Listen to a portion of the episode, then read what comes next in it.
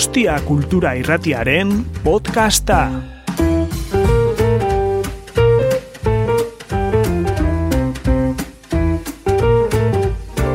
León, buenas tardes.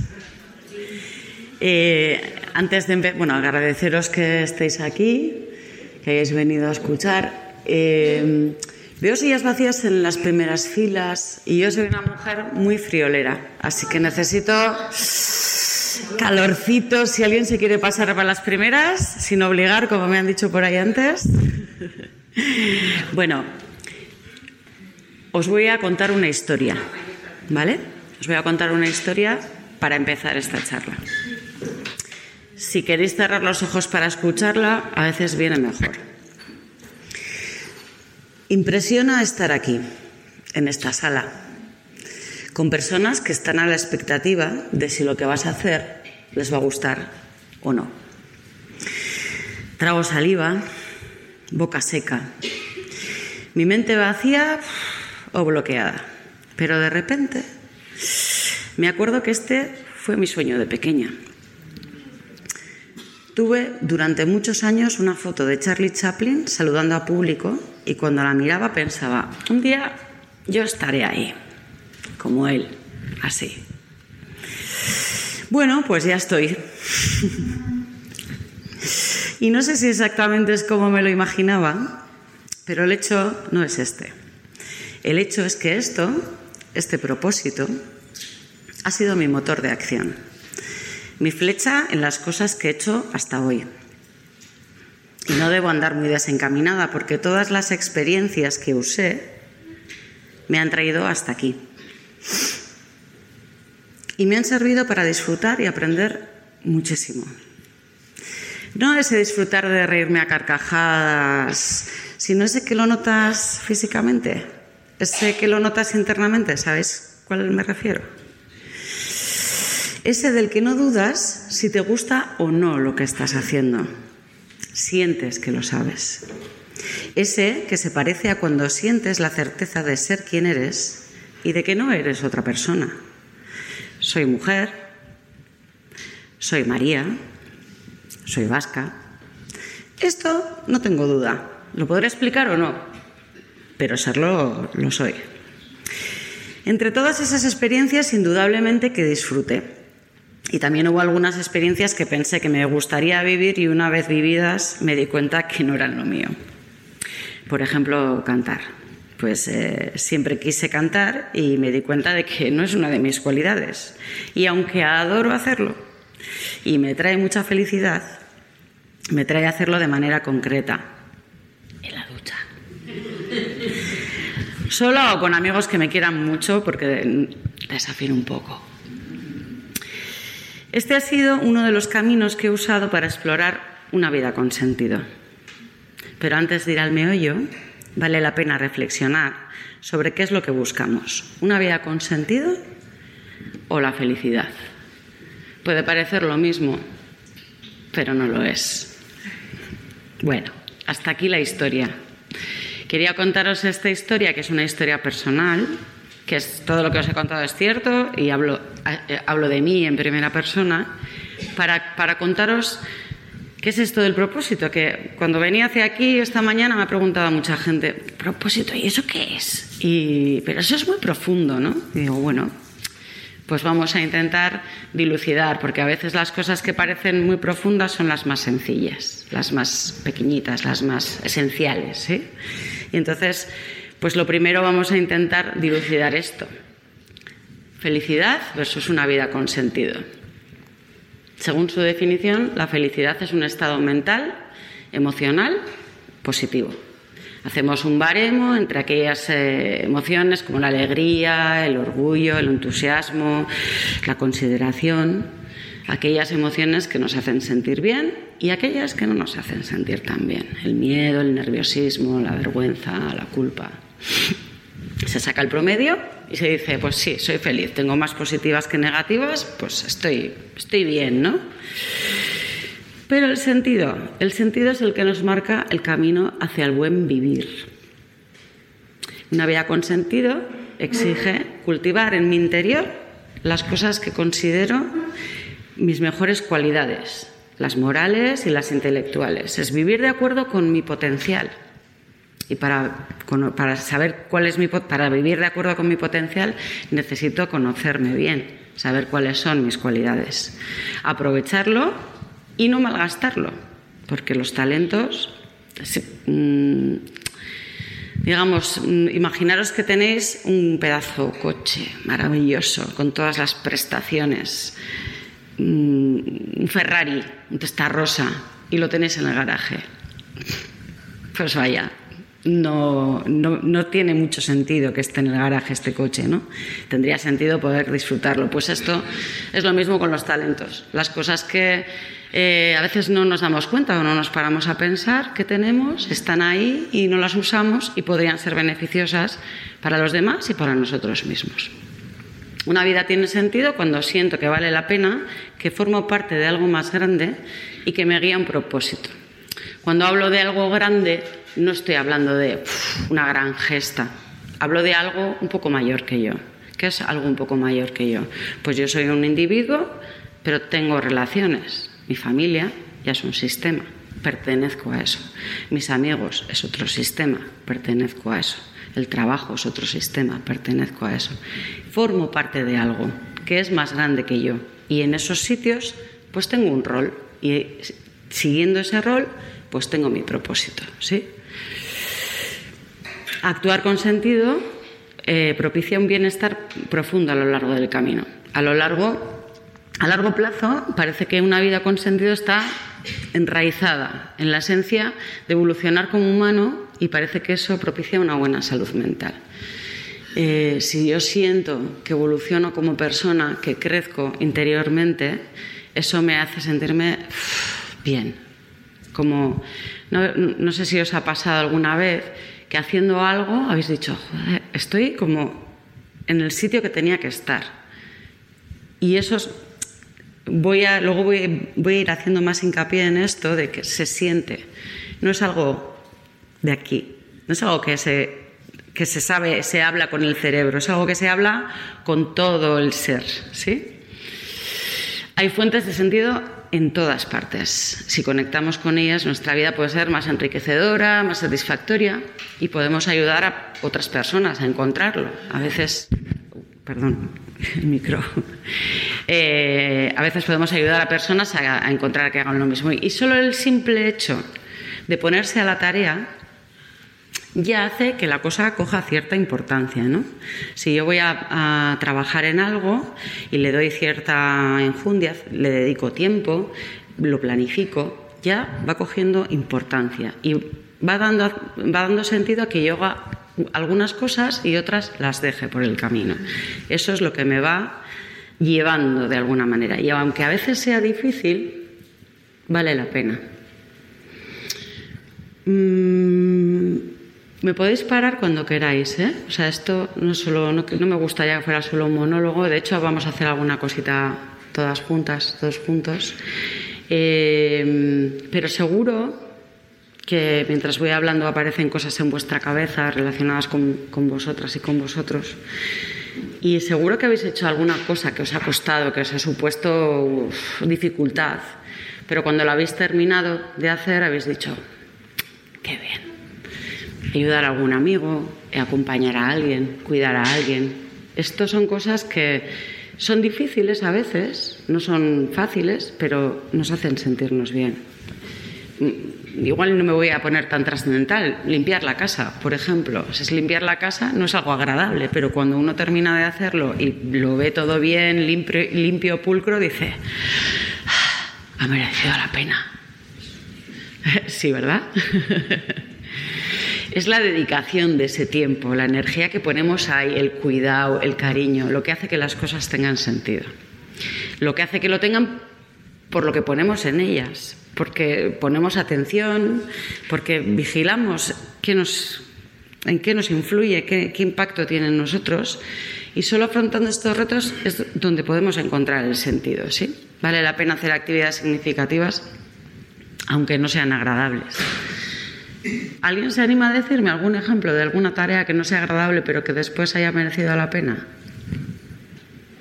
Lo de limpiar la casa, por ejemplo. Venga. Algo más. A mí me resulta muy desagradable. Pero cuando terminas, Bueno, pues sigo pensando que no sé si merece la pena. Porque dentro de media hora está todo más o menos. ¿Qué quieres que te diga? ay, ay, ay. ¿Alguna más? Ir a hacer la compra. Hacer la compra. Una pesadilla. Una pesadilla. Pero ver el frigo lleno, Pero luego eso, cuando ya lo ves y dices "Oh, un montón de días que ya no tengo que volver, pues ya, se- cuando vacías el carro se te pasa algo. mm. ¿alguien más que se anime a romper el silencio? Para mí hacer deporte. Bien, estoy contigo. es de esas cosas que cuesta, ¡ah, qué pereza, organizarse para sacar tiempo, y cuan- pero cuando lo haces dices, ¡buah! Medalla. bueno, vivir una vida con sentido es un objetivo importante para, pone aquí para muchas personas, yo diría para todo el mundo, ¿sí? Vamos a intentar como aglutinar en siete pasos, ¿no? Por esto de tener una chuletilla de qué, cómo se hace esto de vivir una vida con sentido. Bueno, la primera sería reflexionar sobre, sobre nuestros principios. Tenemos ese conjunto de valores, de creencias, de normas que nos orientan, que nos hacen decidir si esto sí o esto no, si esto es bueno o esto es malo, si esto nos sienta bien o no, si esto perjudica a otra persona o no. Bueno, de alguna manera lo que se manifiesta en nuestra manera de pensar, de hacer y de ser. Y eso- esos tres ejes, el pensar, el hacer y el ser, cuando están así, el sentimiento por dentro es de, ¡buah! Yo me quiero sentir así todo el rato. No es fácil. Para eso hay que pensar en lo que a uno le importa. Eh, podéis pensar en cosas que para vosotros, para vosotras son importantes, aquí y ahora, hoy. Hoy a mí me importa pues esa amiga que tengo que está un poco jorobada. Hoy a mí me importa que tengo un pariente que está hospitalizado. Hoy a mí me importa pues que tengo que ponerme con eso que me cuesta tanto. Y uno va conectando con los principios que son fundamentales en la vida. Ponernos un objetivo, poner el foco en algo. Eso es algo que te hace sentir motivada y emocionada, que despierta un poco la alegría interior y que está en línea con tus valores y tus intereses. Y algo que nos apasione. Por definición, la pasión es algo que nos despierta ilusión. Cuando dices, ah, pues voy a, voy a intentar, eh, he empezado a nadar, voy a intentar nadar mejor, en menos tiempo, lo consigo, Ah, me siento bien, me ilusiono. Cuando encuentras algo que te apasione, haz una lista de cosas que te apasionen y tenlas siempre en la nevera, bien a la vista, para poderlas eh, recordar, porque a veces se nos olvidan. A veces nos pasa que la mente está muy encebollada en cosas más tristonas y no nos deja pensar en lo que nos apasiona. Hacer cosas por los demás, ayudar a los demás es, puede ser una fuente de, de gran satisfacción y sentido en la vida. Encontrar formas de hacer una diferencia en la vida de las personas que nos rodean. Mm, hay un maestro africano que se llama Edu Gorsi. Eh, las veces que he hecho formaciones con él es un, es un tío muy especial. Es un tío que enseña eh, educación musical y folclore de su país, es percusionista, y, pero además es maestro de muchas cosas. Y él siempre dice algo que a mí me gusta mucho. En cualquier encuentro, en cualquier eh, encuentro entre personas, este mismo que se produce hoy, si cualquiera de las personas que estáis aquí no estuviera, este encuentro no sería igual. Entonces, tenemos que pensar que eso hace que mi presencia aporta una diferencia con respecto a mi no presencia. Si yo estoy, es diferente que si no estoy. Entonces, esto, tenemos, esto es algo que tenemos que pensarlo mucho porque se nos olvida. A veces nos diluimos entre la gente o en los encuentros nos parece que nada cambia, pero cada vez que nos encontramos con alguien hay un antes y un después. No es igual. Entonces, el, aquí he puesto ejemplos como el voluntariado, el apoyo a amigas o amigos, o simplemente pequeñas acciones de amabilidad. Es, por ejemplo, pues eh, tienes un día malísimo, has ido conduciendo, alguien te ha dicho, ¿no? Pero te has cruzado con una mujer y esa mujer te ha sonreído. Y, ah, y el día cambia. Pues ese, ese encuentro, que a veces es un encuentro visual, no hace falta ni que estemos, ni que hablemos, ni que hagamos grandes cosas, simplemente ese gesto ya hace que la cosa tenga un sentido. Practicar la gratitud, esto yo creo que es algo ya de todos sabido, ¿no? El, practicar la gratitud hace que tengamos claro qué cosas son buenas en nuestra vida y que esas cosas no están presentes siempre. Entonces, cuando están, qué bien que están y gracias porque estén. ¿no? Eh, te ayuda a apreciar lo que tienes, te da una perspectiva más positiva y a veces, pues hacer una lista de lo que una tiene de lo que uno tiene, pues viene bien porque dices, ah, pues mira, pues no me había dado cuenta que esto es importante. Cultivar relaciones significativas. No se trata del número de followers que tenemos en Instagram, el número de amigos que tenemos en Facebook, la gente que conocemos en el bar, o se trata de relaciones significativas. ¿Qué es una relación significativa? Venga, ¿por qué no hables yo sola? Pues algo que te aporte, alguien que te aporte algo. Ujú.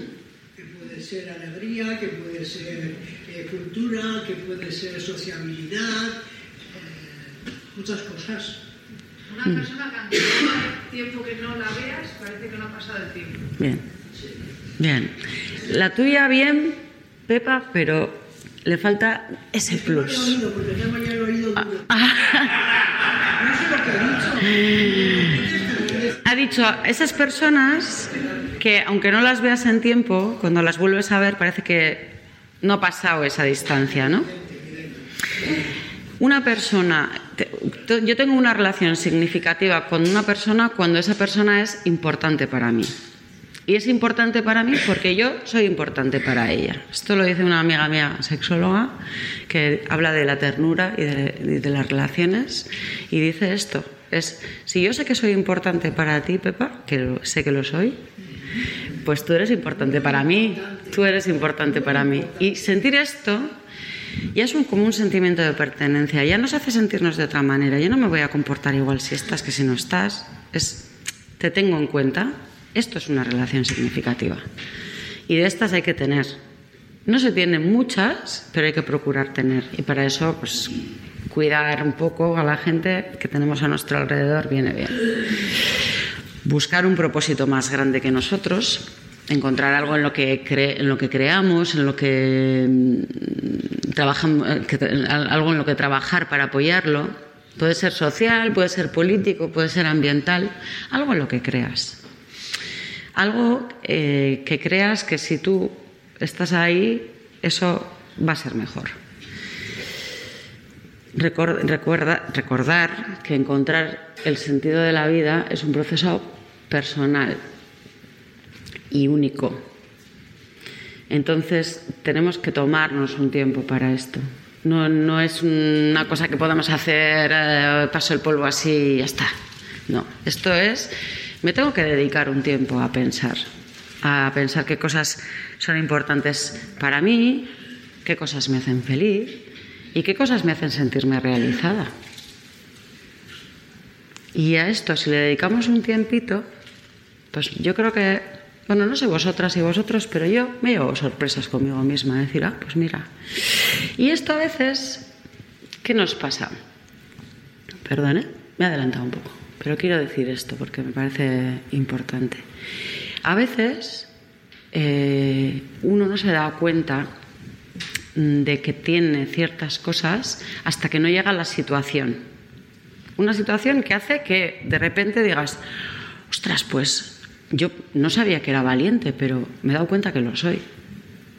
Por esa situación, que te ha obligado a sacar casi sin pensar una cualidad que tenías ahí guardada que no habías reparado porque nunca te había tocado ponerla en marcha.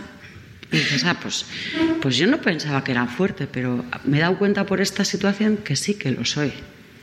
Entonces, darnos, el, irnos dándonos, el ir dándonos cuenta de que tenemos estas cualidades hace que nos sintamos mejor y que tengamos un propósito.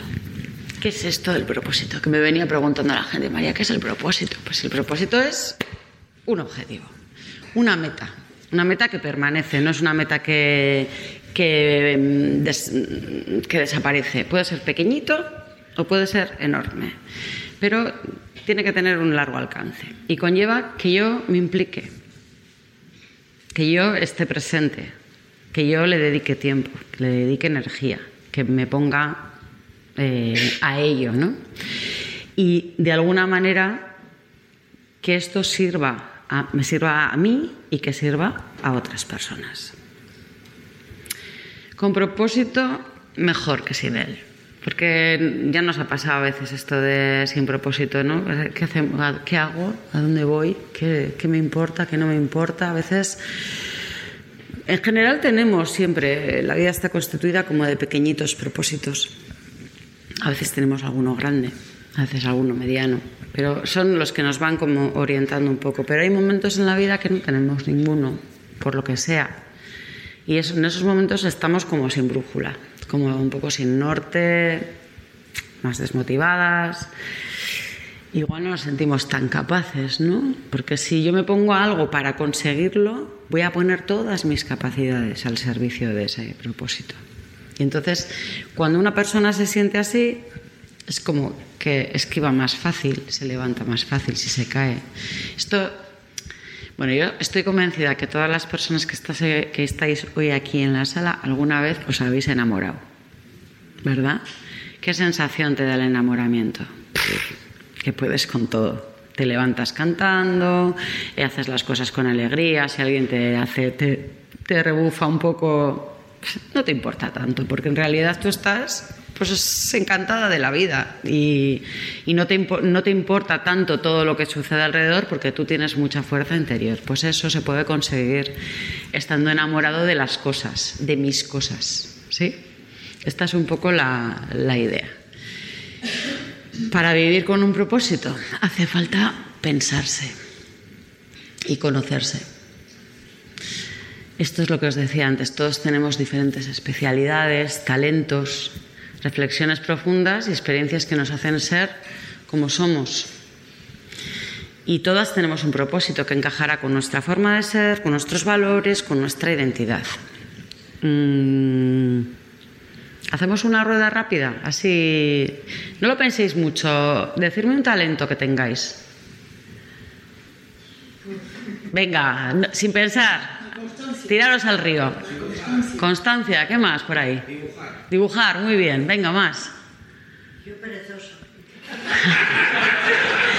Para hacer de eso un talento tienes su, tienes su enjundia, ¿eh?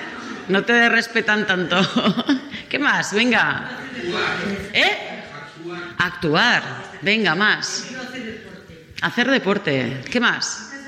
¿Qué hacéis bien? Vivir.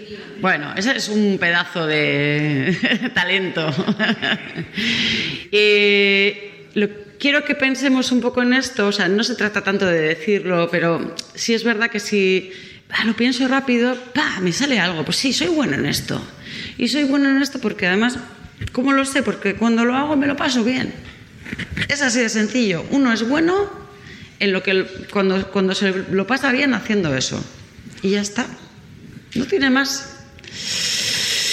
Esta relación entre identidad y propósito nos lleva a pensar esto, que las personas que se conocen a sí mismas pueden elegir caminos que se corresponden con sus valores y sus habilidades. Todos somos capaces de hacer algo único, pero necesitamos tiempo. Hay que dedicarse tiempo. Y es importante hacer como esa pausa. Luego hablaremos de la pausa. Tenemos muchas capas que esconden nuestro verdadero potencial, pero hasta que no llega el momento adecuado, pues no descubrimos lo que hemos de llegar a ser o en qué nos hemos de transformar. Eh, os voy a echar un reto. ¿Hacemos un ejercicio? ¿Sí? ¿Os animáis? No, no consiste en nada, hacer nada raro, ni exponerse, ni nada, pero sí os voy a pedir que os quitéis las cosas y os pongáis de pie, como yo me voy a poner ahora mismo. ¿Vale? Eh, pues, poneros cómodas, que, cómodos, que, no, no te, estéis pensando, se me está cayendo el bolso, el... ¿vale? ¿Estamos? Vale, quiero que cerréis los ojos. Sí. y que os imaginéis que vuestro cuerpo es un edificio. ¿Sí? Un edificio potente. Ciérrame los ojos. El primer piso llega hasta las caderas. El segundo piso llega hasta el cuello. Y la cabeza va a ser el ático. ¿Sí? Vamos a intentar que este edificio, si viene un tsunami ahora mismo en este momento, no lo derribe. ¿Sí? Entonces voy a intentar ir asegurando planta por planta este edificio que tengo en mí misma. ¿Vale? Voy colocando, a ver, los pies. ¿Cómo tendría que tener los pies para que si viene ahora una ola no me tire? Bien, las rodillas. ¿Las tengo que tener estiradas o las tengo que tener un poco flexionadas? ¿Cómo sería si viene un impacto fuerte? ¿Cómo las tengo que tener? Para asegurar esa primera planta, bien. ¿Y, y las caderas? ¿Cómo tendrían que estar? Ir chequeando un poquito. Chequear porque la ola va a venir, ¿eh? No es broma, luego voy a hacer test de a ver si hay edificios aquí fuertes o no. Nos vamos al segundo piso. En el segundo piso tenemos ese abdomen, tenemos ese pecho que puede hincharse, los brazos. ¿Cómo tendrían que estar los brazos por si viene un tsunami gordo? Bien. ¿Y la cabeza, el cuello? ¿Cómo tendría que estar? Vale. ¿Somos un edificio fuerte? Venga, si viene un tsunami, ¿nos tira? Vale. Si viene alguien ahora a venderos una moto de, que, de algo que vosotros y vosotras no queréis, ¿lo, ¿lo conseguiría? Pues esto es. Os podéis sentar cuando queráis. Gracias. Vale, dame la luz otra vez, Maider, por favor. Quería, quería contaros esto, pero no quería, no quería contároslo, quería que lo vivierais, ¿vale? Porque estoy convencida que todas habéis tenido, todos habéis tenido esta sensación, ¿no? De, hmm, eh, esto es un edificio. Que venga el tsunami, que venga, que yo ya sé lo que quiero. Bye. No hay, no hay una opción, no hay una opción correcta. La opción correcta es la tuya. Tú decides si viene la ola, cómo no me va a tirar. Yo puedo estar así. A mí es una opción buena. Yo puedo ponerme así o puedo estar flexible y ponerme así, de costadillo. Cada una elige. Esto es lo importante, elegir. Si yo elijo, nadie va a venir a contarme, nadie va a venir a decirme milongas de tú quieres, no, yo sé lo que quiero. Yo sé lo que quiero. Y cómo, cómo yo no puedo explicar por qué, sé lo que quiero, pero lo siento. Como vosotros habéis sentido ahora, ese edificio, ¿no? Quiero esto. Esa determinación nos va a llevar por sitios buenos, sin duda. Difíciles también, ¿eh? Ojo, no estoy vendiendo la pildorita del bienestar, sino de cómo podemos acceder a sentirnos de una mejor manera.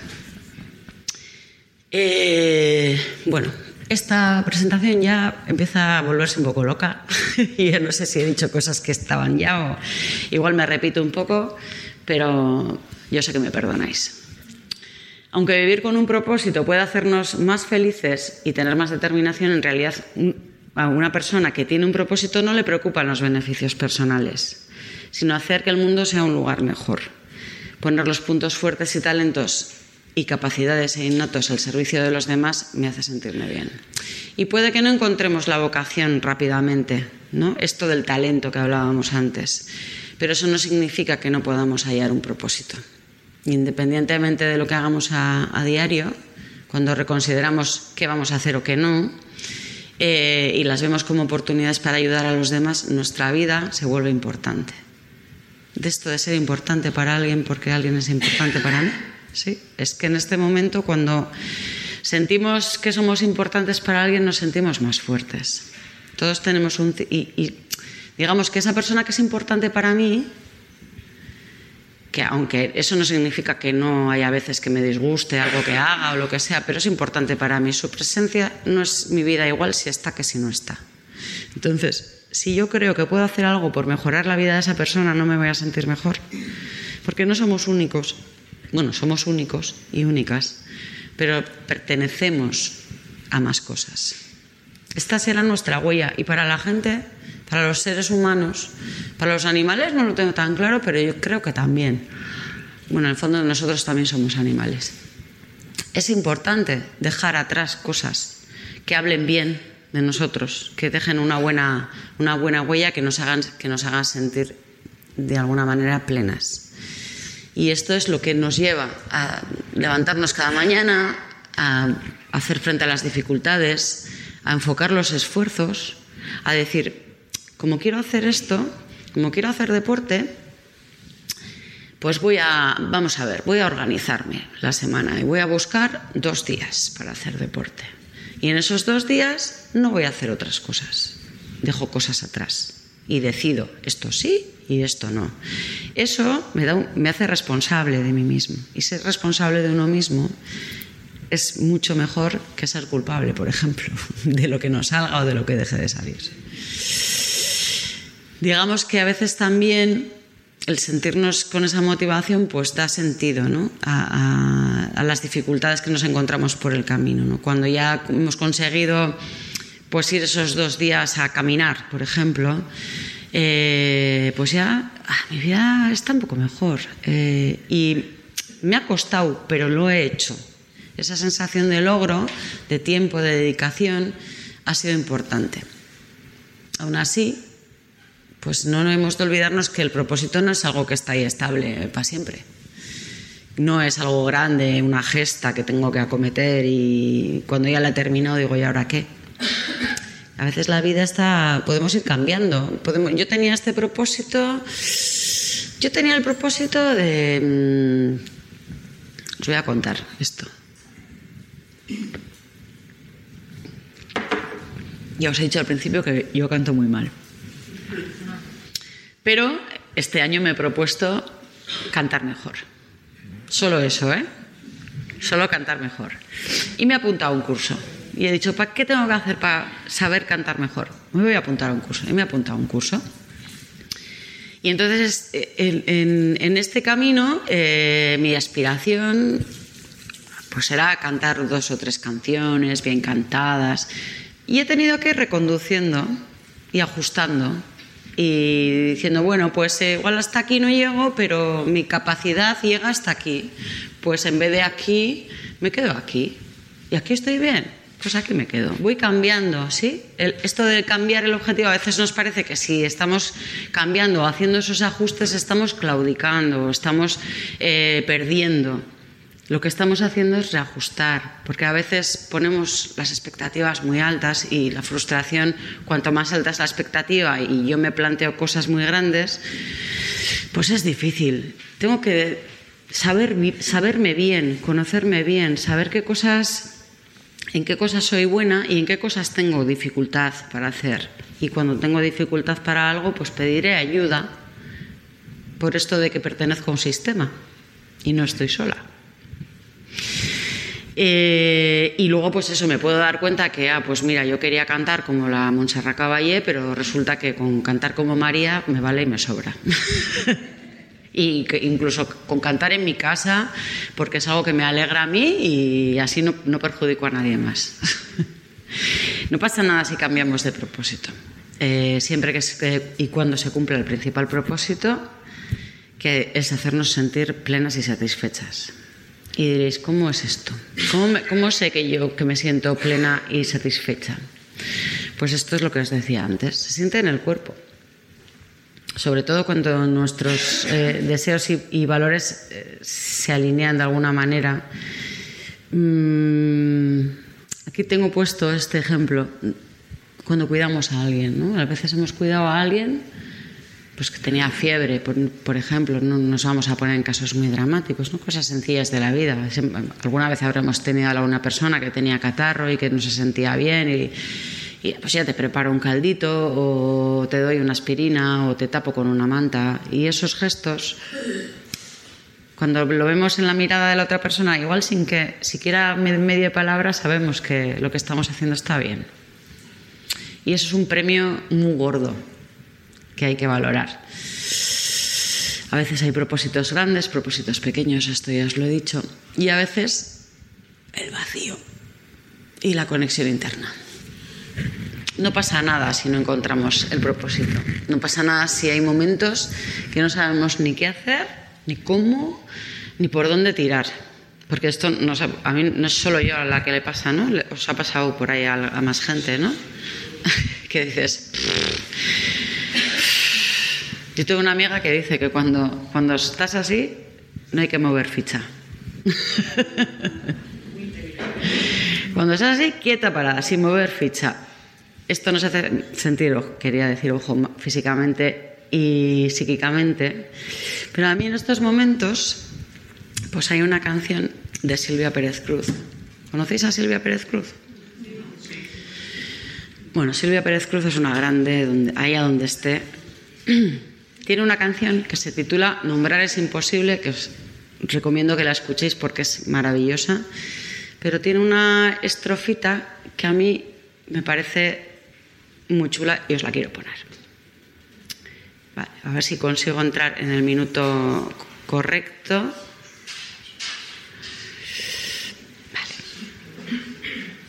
¿Le puedes dar en voz, Sergio?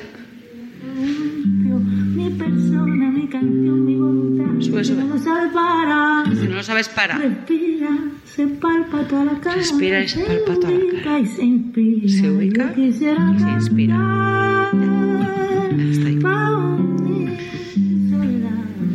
Vale, dice una cosa muy sencilla. Luego, al principio la, la he puesto bastante rato. Si no lo sabe, para. Cuando no sé algo, tengo que parar. Tenemos esa inercia de hacer, hacer, hacer. Nos parece que resolvemos muchas cosas haciendo, pero a veces no, no estamos resolviendo nada, simplemente estamos a- en la, en la acción. Si estamos en la acción, no estamos aquí y mucho menos aquí. Entonces, si no lo sé, paro. Respiro y de alguna manera ahí me puedo, me puedo inspirar. Es como, a ver, para, ¿qué está pasando? Puedo observar cómo me siento, qué está pasando a mi alrededor. Puedo tomarme ese tiempo y puedo tomármelo. ¿Por qué? Porque lo decido yo y nadie más. La importancia, os he dicho Ah. Eh, eh, la importancia de reivindicar la pausa, de parar y de escucharnos, de no querer solucionar a toda prisa eso de no sé a dónde voy, no sé qué quiero, no sé qué me pasa, pero yo sigo, sigo, sigo, no. Pausa.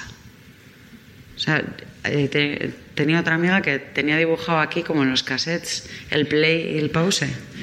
Y a veces decía, "Uf, eh, cuando me veo muy acelerada hago así, ping, se lo había tatuado en la muñeca. ¿Qué hacemos? ¿Next o pausa? ¿Qué hacemos? ¿Lo siguiente o paramos? Pues hay que parar, porque es una manera de conectar con nuestra esencia, de cómo pasar de la desconexión de nosotras mismas a conectarnos con lo que nos pasa. Lo que nos pasa a veces no es agradable, pero cuando estamos en una situación que nos, que nos gusta, que queremos, que, que estamos disfrutando, pues yo estaría ahí toda la vida, ¿no? Se está muy bien. Pero a veces hay situaciones que no son agradables, que son situaciones tristes, difíciles de pasar. Pero hay que atravesarlas. Y en ese momento, eh, a mí hay una imagen que me, que me gusta tener cuando no estoy bien. Cuando estoy triste, cuando estoy. Voy a hablar en plata porque creo que aquí ya somos todos mayores, cuando estamos jodidos y jodidas. A mí hay una imagen que me ayuda mucho y es imaginarme yo a mí misma cogiéndome de la mano. Es como, tenemos claro esto para el, para el de al lado o para la de al lado, ¿no? Cuando alguien está mal en, nuestro círculo, vamos a decir, enseguida le ayudamos, ¿no? Le hacemos un poco de soporte. Pero cuando las que estamos mal somos nosotras, pues no tenemos esa costumbre de me voy a quedar aquí, hoy estoy triste, me voy a permitir quedarme eh, pues en casa o no salir, mañana ya veré. Voy a ser honesta con el momento que estoy pasando, porque es un momento y todo en la vida, todo el rato está cambiando. No voy a estar aquí siempre, pero hoy me lo puedo permitir. Estar conmigo, conectar conmigo y conectar con la sensación que tenga. ¿Es jodida? Pues es jodida. Pues la pasamos. Ya llegarán otras, como ha venido esta y se, irá, irán cíclicamente moviéndose. Para esto el cuerpo es nuestro mejor aliado para conectar con nosotros mismos. Eh, esta es una pregunta también para, para todos vosotros y vosotras. Las emociones las situamos en el cuerpo, pero no tenemos la costumbre de ubicarlas eh, en un sitio en concreto. Y es algo que ayuda un montón a conocerse a una misma. Por ejemplo, si yo estoy a ver los del fondo, que estéis por ahí. Para que me contestéis, ¿eh? Porque los de la primera son súper aplicados, me contestan siempre, pero por ahí. Por ejemplo, si yo estoy enfadada o enfadado, ¿dónde? Señalármelo. ¿Dónde? En el estómago. En los ojos.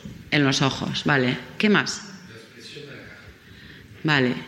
Pero físicamente en un sitio del cuerpo que podéis decir, en esta zona, cuando estoy enfadado, ¿dónde? En las manos. Vale. Por aquí. ¿Y cuando estoy alegre? ¿Y cuando estoy alegre? En la sonrisa.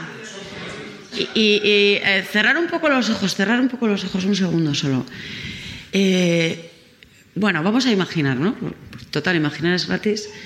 Imaginaros que de repente os habéis dado cuenta que os ha tocado 200 millones en la lotería.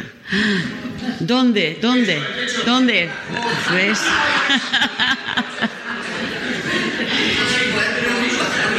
Saber, saber dónde se, se- colocan estas cosas es importantísimo.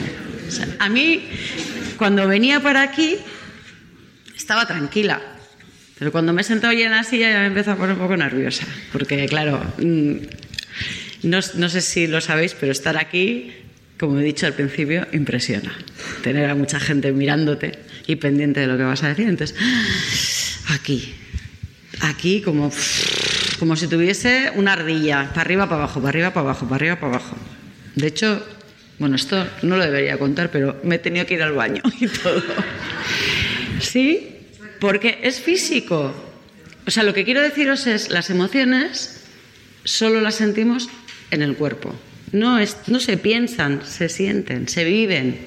Entonces, ¿por qué es importante saber dónde las siento? ¿Por qué el cuerpo me da una pauta? ¿Por qué el cuerpo me ayuda? Porque me ayuda a conocerme.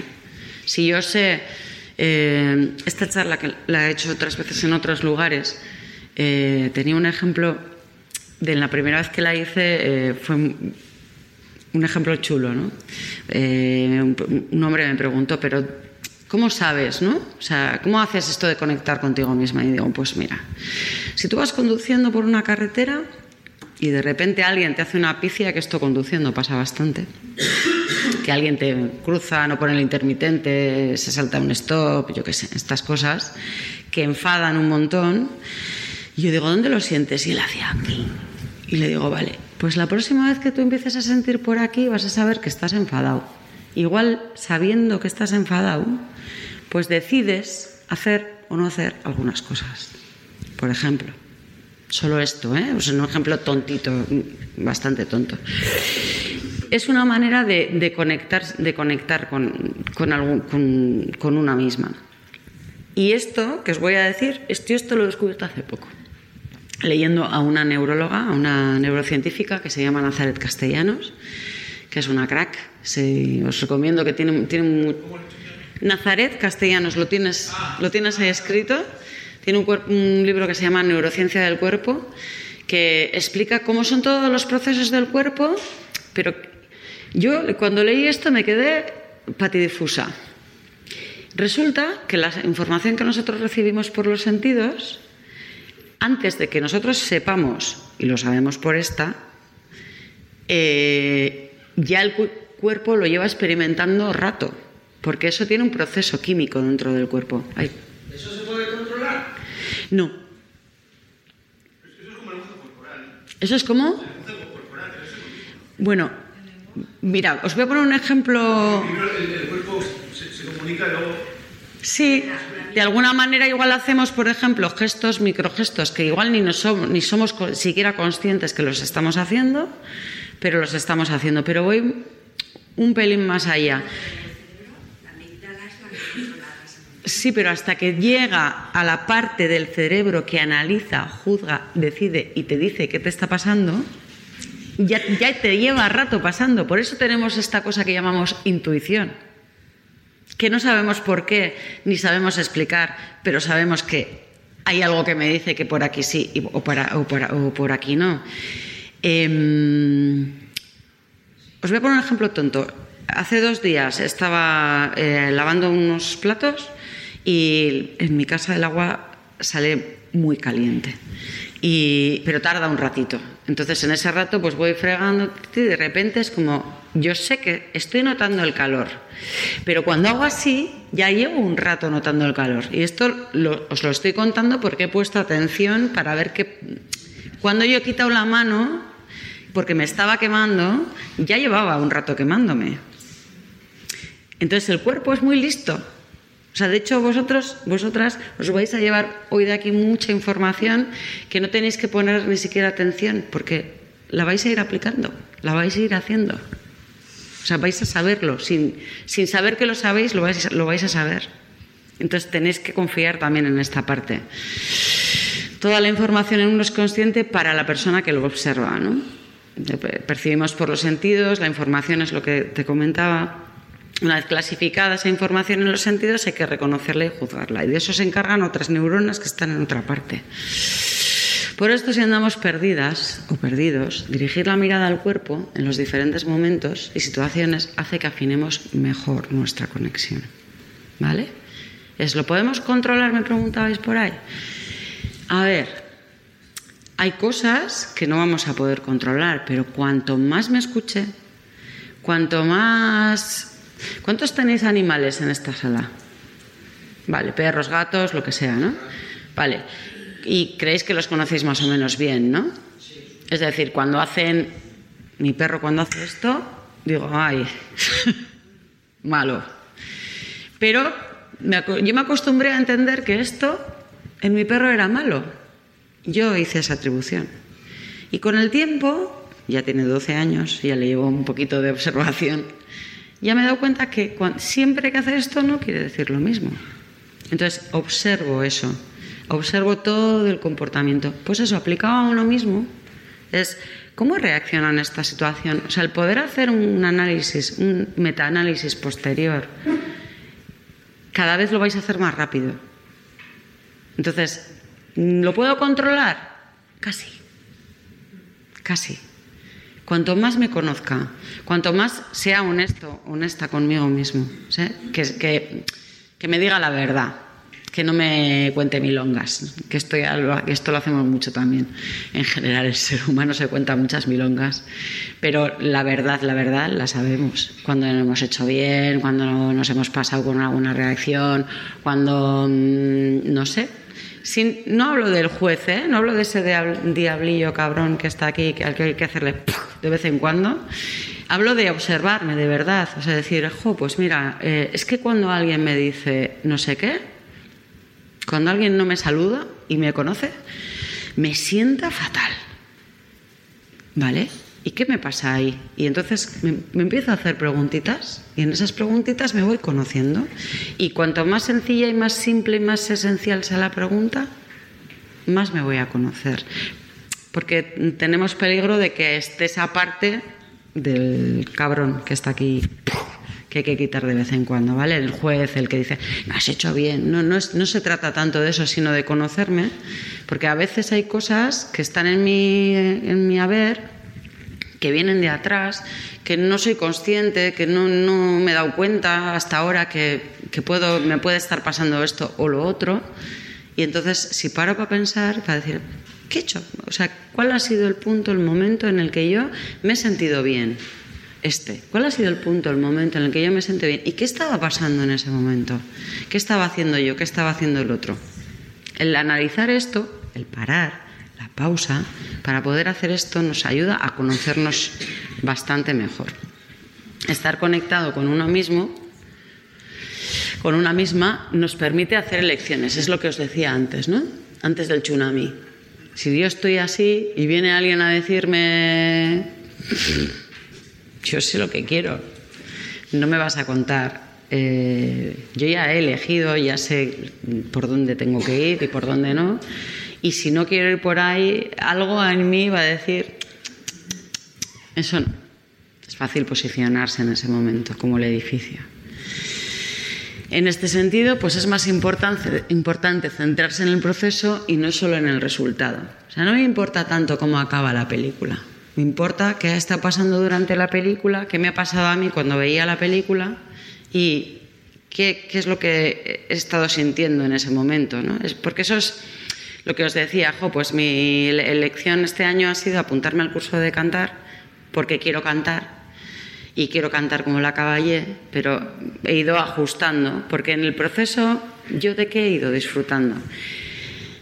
Yo me, esto es, lo, es, es verdad, ¿eh? o sea, no no es una pamema que me estoy inventando para poneros un ejemplo, es verdad. Yo los lunes voy a clase, con un deber me aprendo una canción.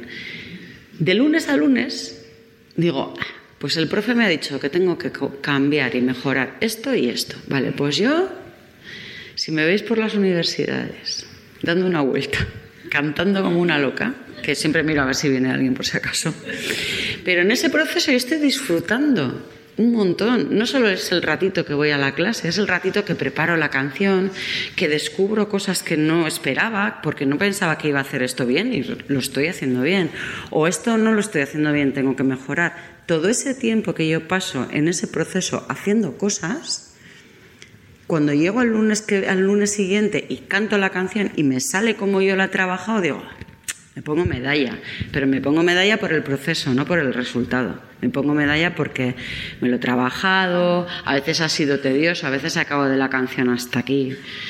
Eh, y hay veces que lo disfruto un montón. No ha sido todo el tiempo florecitas, no ha sido todo el tiempo un proceso fácil, pero precisamente porque luego llega el momento y dices, mira, el final de este curso terminaba cantando en los comercios del barrio donde vivo. ¿Sí? Me, muero de la vergüenza, pero terminé y dije, bueno, pues mira, no, no ha sido algo para decir, ¡buah, cómo canta esta tía! No. pero lo defendí y estoy contenta conmigo por haberlo defendido. Entonces, esa, esa es esa, esa satisfacción que habéis sentido todas las personas que estáis en esta sala en algún momento de vuestra vida, hecho esto y decir, mira, no ha salido así súper bien, pero yo me lo he currado, he puesto de mí. Esto es, esto es el propósito, no es otra cosa. ¿Tu meta cuál es? Cantar en un coro y Mi meta es, por, por libre ir al Liceo de Barcelona. ¿Qué meta te has mi meta es pasármelo bien. Bien, ah, pero además todos queremos pasárnoslo bien, pero con una finalidad, ¿no? Pasármelo bien es la finalidad. sí, es que esa siempre la consigo. O sea, de alguna manera siempre la consigo. Sí.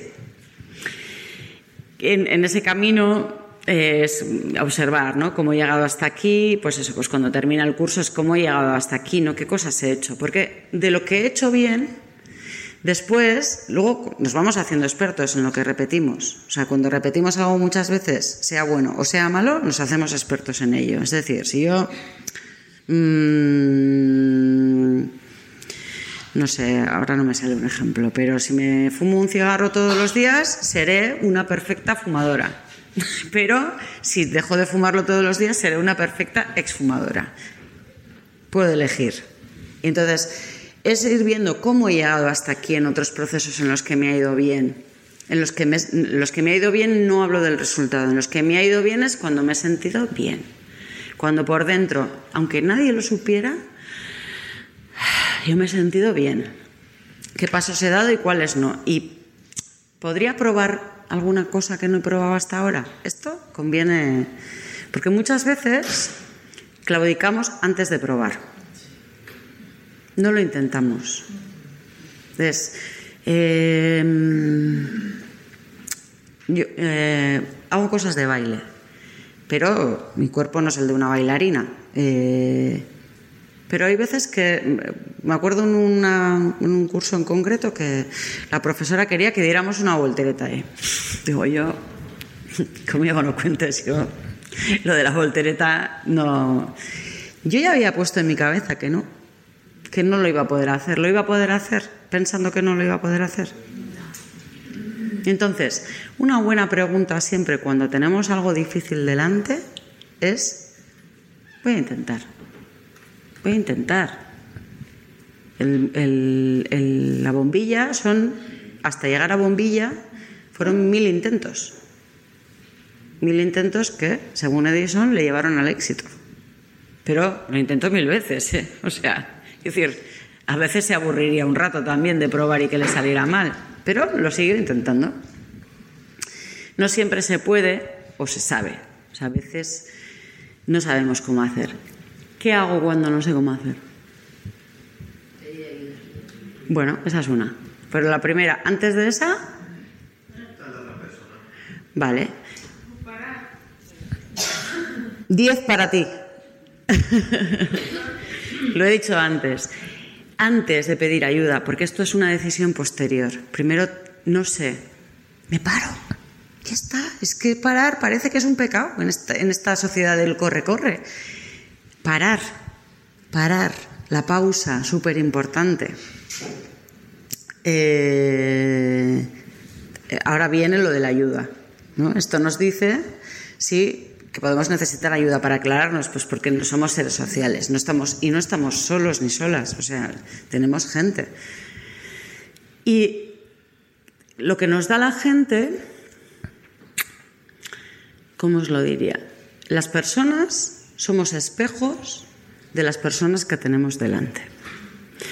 Eh, nosotros podemos devolverle a quien, a quien tenemos delante una imagen de sí misma que igual no sabe.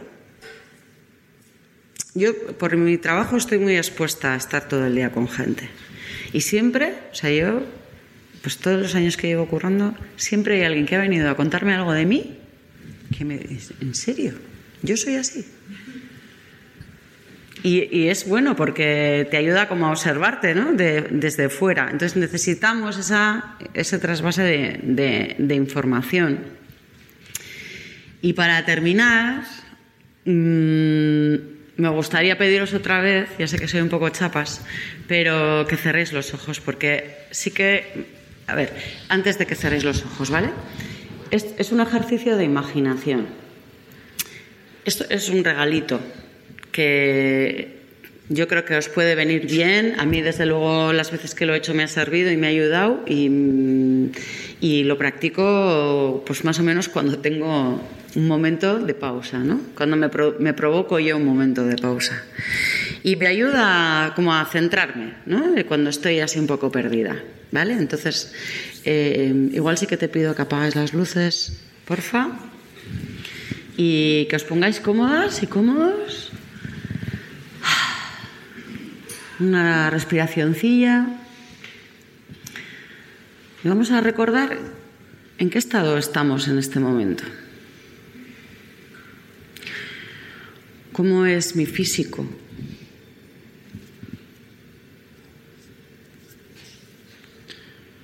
¿Cómo es mi voz?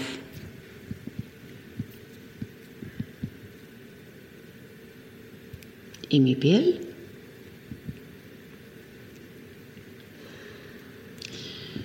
¿Cómo son nuestros órganos? ¿Cómo nos sentimos por dentro? ¿Dónde están las emociones que sentimos aquí y ahora? Sea lo que sea que sienta, ¿dónde está? ¿En qué parte del cuerpo?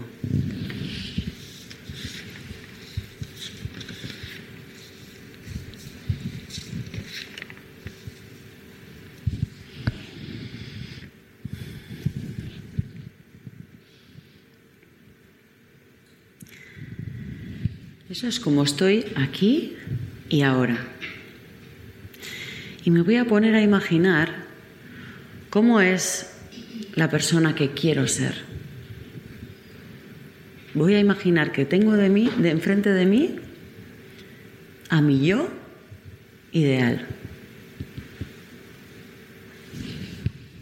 ¿Qué voz tendría mi yo ideal? ¿Sería la misma que tengo yo ahora? ¿Cómo se movería? ¿Cómo caminaría?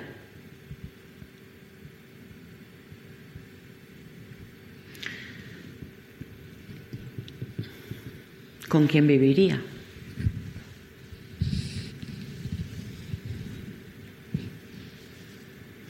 ¿Cómo serían sus momentos con amigas, con amigos?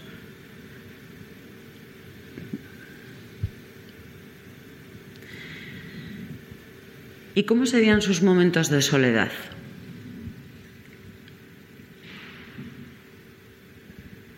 Ese yo mío del futuro, ¿con qué causas se va a comprometer?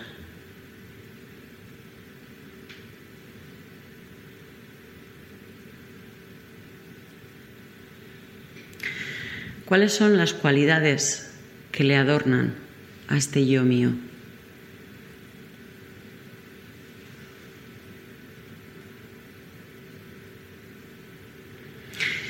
¿Y qué me contaría ese yo de cómo ha llegado a ser quien es? ¿Qué cosas ha tenido que hacer? ¿Y qué ha tenido que dejar en el camino? ¿Qué ha ido incorporando en ese camino paso a paso para llegar a ser quien es hoy?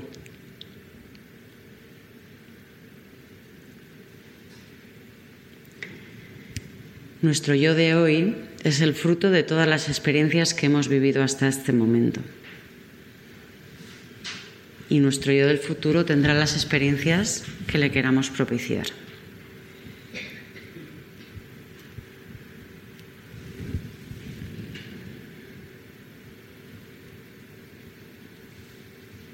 Abrimos los ojos y nos vamos con esa imagen sabiendo que el cuerpo lo sabe antes que la cabeza y que aunque igual luego intente recordar cosas que he escuchado hoy y no me acuerde, no pasa nada porque están aquí. ¿Sí? Pues es que ricasco. no sé si queréis hacer algún comentario, alguna pregunta. Bueno, si no lo sabemos, pausa y reconexión, esto es importante, y una frase de Camus, que es un filósofo que yo adoro, la única certeza es que, es, que estamos aquí, o sea, la, la, verdad máxima es que ahora estoy aquí, en este momento y en este ahora. De nosotros depende que este momento lo vivamos a tope, y vivirlo a tope quiere decir estar presente, experimentar cada momento siendo conscientes, o sea, poniendo atención y foco, estar despierto y estar atento. ¿Vale? Es que ricasco.